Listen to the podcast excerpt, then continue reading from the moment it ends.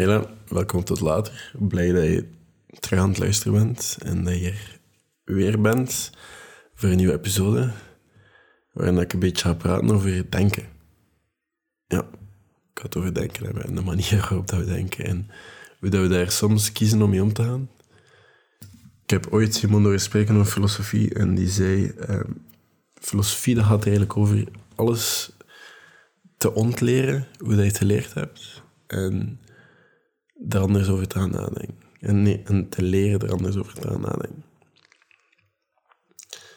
En als je erover nadenkt, dan ga je bijna alles wat in je leven zit, nu, of het verhaal dat je verteld is, of wat je gegeven is, ga je helemaal gaan ontrafelen. Om daar uiteindelijk anders te gaan over nadenken. En te zien dat het eigenlijk allemaal denkpatronen zijn. En ja, narratives of verhalen dat mensen jou opleggen. En het gaat eigenlijk over de keuze dat je, dat je geeft aan jezelf eigenlijk vooral. Dat je, dat je jezelf toelaat om dat te doen. Om je eigen verhaal te gaan schrijven en je eigen manier van denken te vormen. En dat is iets dat we volgens mij soms ietsjes te weinig doen. Omdat volgens mij denken heel veel mensen niet na. Anders zouden ze de dingen niet zeggen dat ze zeggen. Of de dingen sturen dat ze sturen. Of de dingen doen dat ze doen als ze gewoon even diep van binnen zouden kijken en nadenken. En niet laten nadenken voor zeggen. Dat is de reden dat ik bijvoorbeeld niet aan het leren ben aan uiteindelijk. Is gewoon, een van de slogans is het leren denkt voor u. Dus ik denk dat heel veel mensen gewoon te weinig van binnen kijken dan dat ze ja, ze liever uitgaan van andere ideeën en die gewoon gaan quoteren en dat gaan aanzien als waarheid. Er is een, ehm, een heel een film, ik vind het niet zo goed, maar er is wel een goede... Uh, de film The Fallen Warrior. Sommige mensen die luisteren naar de podcast en maar gaan mee. Ik vind de film eigenlijk niet zo goed. Het verhaal trekt op heel weinig, vind ik. Het is een beetje gewoon één groot zelfhelpboek met allemaal verschillende hoofdstukken aan elkaar gelijmd en daar proberen een verhaal van te maken. En dan proberen zo allemaal wijze lessen aan elkaar te maken. Um, kan er niet aan doen. Ik vind, dat, ik vind dat echt een goede film.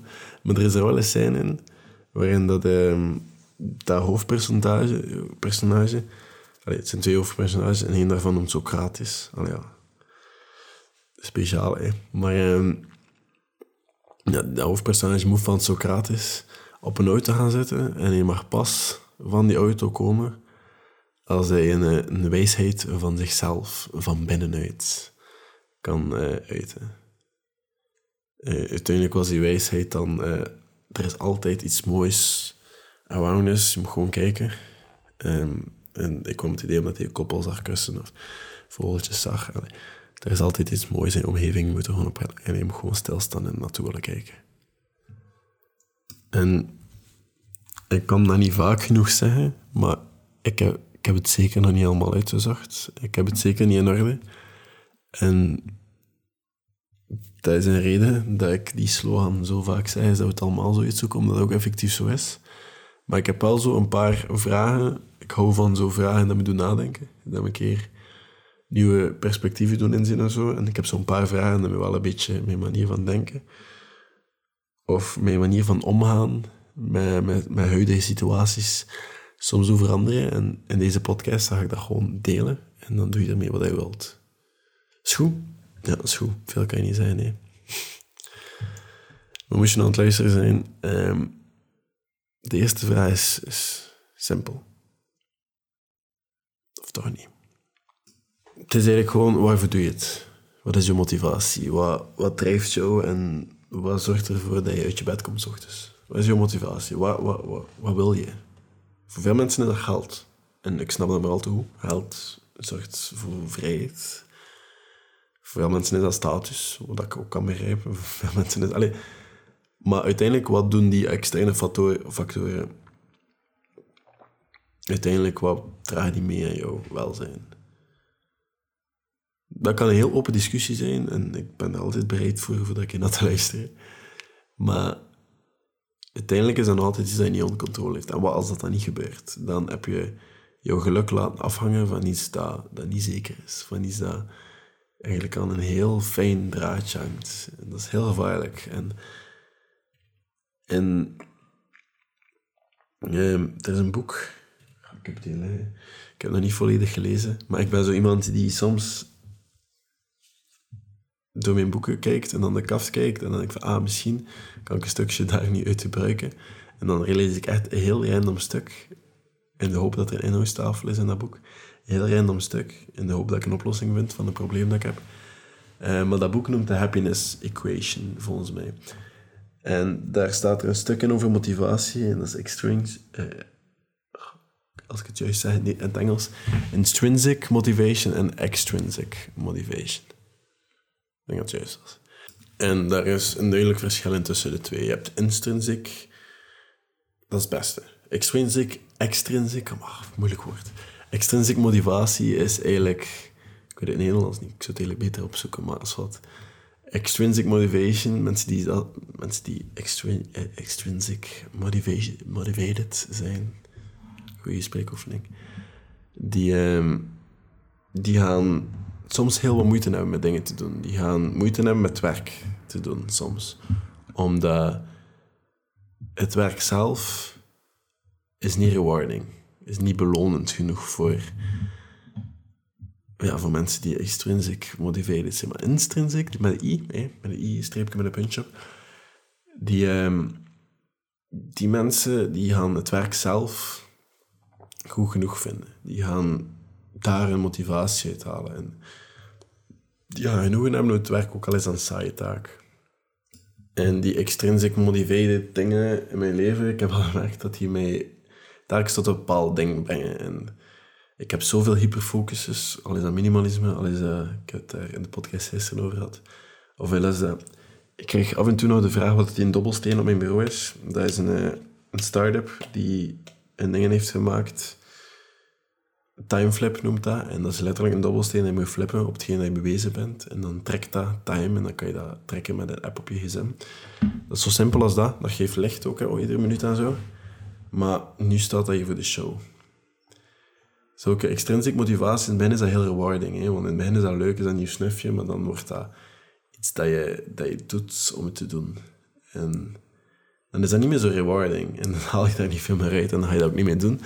En uiteindelijk, wat dat als marketeer super interessant is dan om te kijken van hoe maak je zo'n product dan wel rewarding genoeg, maar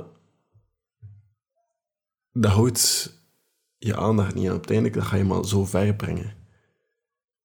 Dan ga je tot een bepaalde... Allee, je gaat één keer je huis leegmaken omdat je een documentaire hebt gekeken van uh, de minimalist. En dan ga je denken dat je minimalist bent omdat je heel weinig spullen hebt en in je huis zo gezegd nut heeft. Hè. Maar dat ga je maar zo ver pakken, want uiteindelijk ga je weer eens kopen. Of uiteindelijk of na een videootje te luisteren op YouTube van David Goggins, ga je even, oh, nu ga ik gaan lopen. En dan ga je gaan lopen voor 10 kilometer en dan kom je terug en dan is het gedaan. Dan voel je goed. En dan heb je de motivatie gehad dat je nodig had voor te lopen, maar wat dan? Ik zei niet dat die dingen slecht zijn, hè. Ik, ik snap die dingen maar al te goed en ik zeg ook niet dat ik die dingen niet doe, hè. Heel deze 190 episodes van podcasts, dat zijn allemaal persoonlijke ervaringen. Dus je mag dat allemaal met een korreltje zout nemen, want ik weet het zeker niet allemaal hoe dat moet. Het is zeker niet allemaal juist wat ik doe en ik ben zeker, zeker geen expert. Maar het is gewoon in de hoop, als ik het heb uitgezocht, mag ik het misschien niet meer doen. En uh, ja, het is ook gewoon misschien meer entertaining dan iets anders. En ik wil hier nu absoluut geen mainstream boek klinken over uh, dankbaarheid en, en het nu zijn en dingen, maar ik ga dit toch wel even zijn. Eh, ik begon een podcast met dat de maatschappij onze verhaal oplegt. En met social media en zo is dat onvermijdelijk. Iedereen doet dingen. En ik betrap mezelf daar ook in, dat ik soms mezelf wijs maak dat, dat ik dingen tekort kom. Dat ik eigenlijk meer zou moeten helpen, alleen hebben. Dat ik misschien zelfs een eigen klimzaal of zo moeten hebben, zo zulke dingen. En dat ik eh, misschien wel te weinig reis. Of misschien te weinig avontuurtjes doe of zotte adrenaline dingen dat ik vroeger meer deed. Terwijl ik nu nog iedere week aan de muur hang. En zulke dingen. En dan denk ik, oké, wat doe ik nu in mijn vrije tijd en hoeveel gebruik ik dat, daarvan om te doen wat ik wil doen. Te doen wat ik graag doe. Om te klimmen, om deze dingen te doen. En met mijn maten in het park te zitten of te slacklinen of gewoon even te ballen en letterlijk niks te doen. Of gewoon in mijn hangmat ook letterlijk niks te doen. Of gewoon even tijd te maken voor mezelf om na te denken. Veel. Veel van mijn vrije tijd gaat daartoe. En hopelijk stapje voor stapje minder naar mezelf afleiden op mijn gsm en minder naar dingen dat er eigenlijk niet toe doen. Maar veel van die tijd gaat ook door naar zulke dingen. En tripjes, dan moet je nadenken hoeveel van mijn recent reisjes zijn... Herinner, allee, herinner ik me nog heel goed. En dat waren vooral de lange, de grote. En onlangs ben ik ook al een paar keer weg geweest. En ook al een paar keer even zo even kunnen vakantie. Allee, volgens mij gaat het meer over content wat je hebt. En eigenlijk beseffen dat dat niet is omdat iemand anders heel wat doet. En, en iedereen zijn situatie is anders. Iedereen zijn goesting is ook anders. Ik denk dat heel veel mensen, dat is ook marketing trouwens, heel veel mensen hebben goesting om veel te reizen en veel dingen te doen door de dingen dat ze zien en door andere mensen die dat doen. En niet omdat ze dat zelf willen. En ik hoop gewoon dat mensen eerder kiezen voor soms een beetje meer te focussen op wat ze hebben. En beseffen dat ze meer hebben dan heel wat mensen op de wereld, dan andere mensen. En ik weet dat ik nu een beetje een grandmama van 76 klink, die heel het leven heeft uitgezocht. Uh, maar dat ommetje zou ik 100% gelijk geven. Moest hij mij op straat zeggen, Arno, wees content met wat je hebt. je hebt veel meer dan dat je denkt dat je hebt, want ze zou absoluut gelijk hebben. Ik heb een één appartement. Ik heb eten in mijn frigo zitten. Ik heb geld om mezelf te voorzien. Ik heb boeken. Maar boeken liggen in mijn kast dat ik kan lezen. Ik heb toegang tot internet. Ik heb een dakterras met een hangmat. Sorry, ik ga dat ding blijven promoten. Ik ben daar zo blij om. Dat is mijn beste aankoop ooit. Als je plaats hebt ergens, een staander met een hangmat, kost niet veel, maar je gaat daar geen last. Allee, je, gaat, je gaat die aankoop niet beklagen. Een of ander hangmatmerk sponsor mij. Ik ga iedere podcast reclame maken voor je. Maar uh, ja, gewoon dankbaar zijn met jezelf of wat je hebt, is volgens mij iets wat een manier van denken is dat, dat mij persoonlijk er wel heeft doorgeholpen. En dat was toen dat ik heel, heel veel minder had dan dat ik nu had. En ik kom uit een heel barre en moeilijke situatie. En waarin ik vooral voor mezelf moest zorgen. En ik heb mezelf daaruit gesleurd, soms letterlijk, door gewoon te zeggen van... Arno, wat ben je nu aan blijven? Tegen mezelf, hè. Er, eh, er zijn veel meer kinderen of jongeren die het veel erger hebben dan jou. Wat ook zo is. En dat heeft me ervoor gezorgd dat ik heel goed ben in dingen relativeren. En soms een beetje te goed, want als er sommige mensen met problemen komen, dan uh, zie ik niet al te snel of dat dan nu echt een probleem is of niet, want ik zie het probleem niet. Soms heb ik daar moeite mee, omdat ik misschien een beetje te veel relativeer. Want voor sommige mensen is dat wel een serieus probleem en ik hoef dat ook niet te zien, dat probleem. Ik hoef misschien gewoon even te luisteren. Maar dat is een werkpuntje. En de volgende vraag is... Uh, ik heb ze net drie minuten geleden gezien. Ik was uh, de dekens van mijn dakterras aan, aan het opplooien. En ze was uh, in haar tuin aan het eten. Met, uh, ja, ze waren in het Engels aan het praten. Dus ik vermoed met ja, iemand die Engels spreekt.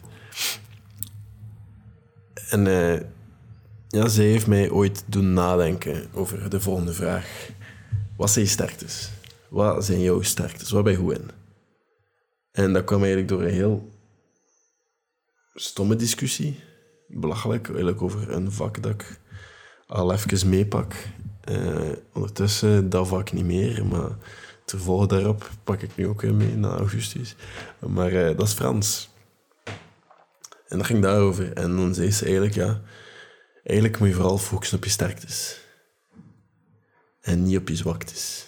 En vooral hetgeen wat je echt goed in bent, dat gaan verbeteren en daarop focussen. In plaats van hetgeen wat je slecht op in bent, gaan daarop gaan fitten. Eigenlijk is dat gewoon iets... Ik merk, als ik ergens goed in ben, dat ik er met vol zelfvertrouwen over kan vertellen tegen heel veel mensen.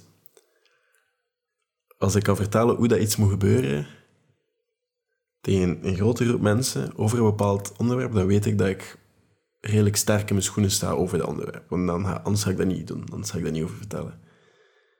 En er zijn er verschillende onderwerpen in dat ik dat durf doen, dat ik dat kan doen en dat ik dat ook wil doen. Maar er zijn daar ook heel wat dingen in dat je, dat je mij niet gaat zien spreken, maar eerder luisteren. En dat is gewoon een trucje dat ik gebruik om te zien van, ah, dat is een sterkte. En dat is nu heel vaag, want je kan ook gewoon zien wat zorgt ervoor dat je echt zo op een bepaald moment echt zo'n gevoel van extase hebt of zo. En zeg nu niet seks, wat dat leuk is, maar er zijn andere dingen ook. Hè. Hey Kevin. Eh, maar dingen waar je echt zo heel, heel veel goede gevoelens uithaalt. En dat je nice vindt om te doen en dat je geen probleem hebt om je tijd aan te spenderen. Dat zijn vaak ook dingen waar je redelijk goed in bent, omdat je daar ook gewoon graag veel tijd aan steekt. Je wordt, dingen, je wordt goed in dingen door gewoon veel tijd aan te spenderen. Het hangt hier al, al een paar jaar in de kleding aan de muur. Moest ik even lang spelen, dat dat niet aan de muur hangt, dan was ik nu een meester in ukulele, maar ik gebruik die minder dan... Ik kan zelfs niet meer noemen dat ik de laatste keer gespeeld heb. Ik denk dat ik twee of drie liedjes kan. En ik weet zelfs niet meer zeker hoe dat moet. Eén daarvan is Akuna Matata. Ja. Dat is wel een klassieker. Maar de volgende vraag is misschien ook wel een belangrijke, maar misschien ook wel een die soms heel wat angst opwekt. En dat is, hoe zie jij jouw leven er gaan uitzien? Ik weet niet of het klopt, maar ik ga het gewoon zo laten. Ook al ben je bewust dat er heel wat dingen buiten controle zijn, waar je niks aan kan doen. Ik denk dat het soms wel echt belangrijk is om op een bepaald moment af en toe een keer na te denken hoe dat jij je leven er ziet uitzien in de toekomst. En dat is, dat is moeilijk voor heel veel mensen en dat zorgt veel voor angst ook. Maar dat is wel iets dat ervoor kan zorgen dat je bepaalde keuzes en bepaalde beslissingen gemakkelijker kan nemen richting dat leven en richting die normen en waarden.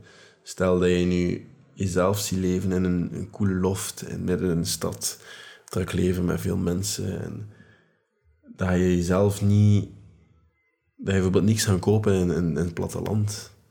Of dat je niet als je, als je jezelf ziet, constant zo van die feestjes geven met vrienden in een loft en altijd wel mensen over de vloer hebben en heel sociaal leven en heel moving en bijvoorbeeld je jezelf fotograaf zijn met een studio en heel bewegelijk en heel leuk en kunstgericht, dan ga je zelf ook nu gaan gedragen in die richting. Ga je nu ook gewoon naar galerijen, gaan naar kunstevenementen Ga naar musea.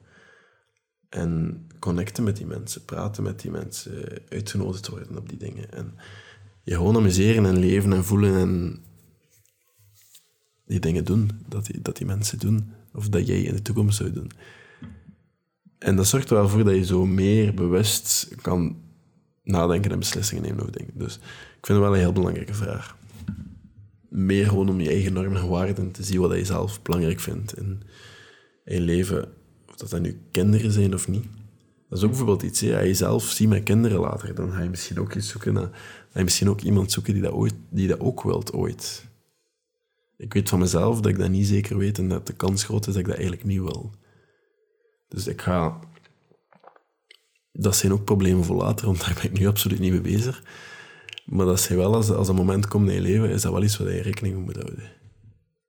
En op die manier ga je gewoon leren wat dat belangrijk is voor jou, wat jouw prioriteiten zijn in het leven en wat je ook wilt doen. En dan ga je misschien niet gewoon het leven laten gebeuren en go with the flow. Dat ga je dat niet doen en dan ga je meer het leven laten gebeuren voor jou. En ik denk dat dat heel bewust en heel belangrijk is. Marcus Aurelius, een van mijn Stoic daddies, die, uh, die, die, heeft een quote en dat zegt: Very little is needed to make a happy life. It is all within yourself, in your way of thinking. Dus ik denk dat dat gewoon heel duidelijk is. Ik moet daar niet te veel over zeveren. Marcus Aurelius zegt weinig foute dingen. Dus uh, ik zal zelfs nog een keer zeggen, er is heel weinig nodig om gelukkig te zijn. Het zit allemaal in jezelf en vooral een manier van denken. Maar ja, ik heb hier eigenlijk allemaal niet meer zoveel over te zeggen. Ik denk gewoon dat het heel belangrijk is. Ik denk gewoon, als ik nu mezelf even een paar jaar geleden kon spreken, dat ik gewoon zou zeggen, als ik advies moest geven op dit vlak, dat ik gewoon zou zeggen dat er heel wat mensen in je leven gaan komen die heel wat adviezen... Er is één advies dat ik ooit heb gekregen dat heel wat... Duidelijk, dat, dat, heeft ook geholpen met de vorige vraag trouwens. Ehm, als er mensen zijn die je advies geven en die niet het leven hebben dat je wil hebben, of die een, heel, die een heel ander leven hebben dan dat je wilt hebben, dan hoef je dat advies ook niet aan te nemen. Dan hoef je dat ook niet te zien als goed advies, ondanks dat die persoon zoveel succes heeft. Dat is misschien niet het leven dat je wil hebben. Want ik heb gemerkt in, in mijn jonge leventje zover dat er heel wat volwassene mensen zijn die heel graag advies geven aan mensen zoals ik, die het uitzoeken of die, die op zichzelf wonen of die, die dingen doen. En die, die gaan zeggen dat je goed bezig bent of niet goed bezig bent. En soms gaan die ook echt effectief gelijk hebben. Maar dan moet je heel duidelijk beslissen of, dat, of, dat, je dat, of dat, dat goed advies of slecht advies is. En je kan dat proberen, je kan falen. Maar iemand heeft mij ooit verteld dat je advies dat van iemand komt dat niet het leven hebt dat jij wil hebben, dat dat misschien niet altijd net is. Dus dat is, dat is iets wat ik zou zeggen tegen mezelf. En gewoon als andere, dingen, als andere mensen dingen zeggen, of je opleggen, of een leven leef zelf. En leef dingen en laat het leven een beetje voor jou. En zie hoe dat leven komt bij jou. En het leven is gewoon een experiment. Eén groot één grote beleving. En je moet er het beste van maken, ieder moment. Hè. En kijk gewoon. Zie. Doe. Vooral doen. Ik heb gemerkt als ik zo gewoon dingen doe en inhoud op gevoel en doe wat dat goed voelt en dat blijf doen, dat ik daar ook gewoon heel veel geluk uit gehaald heb. Ik ben iemand die altijd meer gaat doen dan dat ik ja, het andere gaat doen. Ik ga eerder gewoon in hang schieten en, en trek doen. En doe dat voor jezelf. Doe die dingen en denk na voor jezelf. En jij hoeft niet het verhaal te hebben dat al die kortzichtige bellen soms hebben. Je mag voor je eigen denken. En ik denk dat dat het belangrijkste is van, al, van heel deze podcast, is dat je soms een beetje voor jezelf moet leren denken. En dat je geen stress moet hebben over de juiste antwoorden of de foute antwoorden te vinden, die vroeg of laat kom je dat wel te weten vroeg of laat dat je het antwoord nodig hebt over een vraag dat je hebt, of een levensvraag. Als je, als het antwoord echt nodig hebt, dan ga je dat al te weten komen. Op welke manier dan ook. Maar ja, ik ga bij deze laten. Ik vond het een goede podcast. Als je er iets aan hebt, stuur dat door naar iemand die daar ook iets aan kan hebben. En uh, ja, tot later.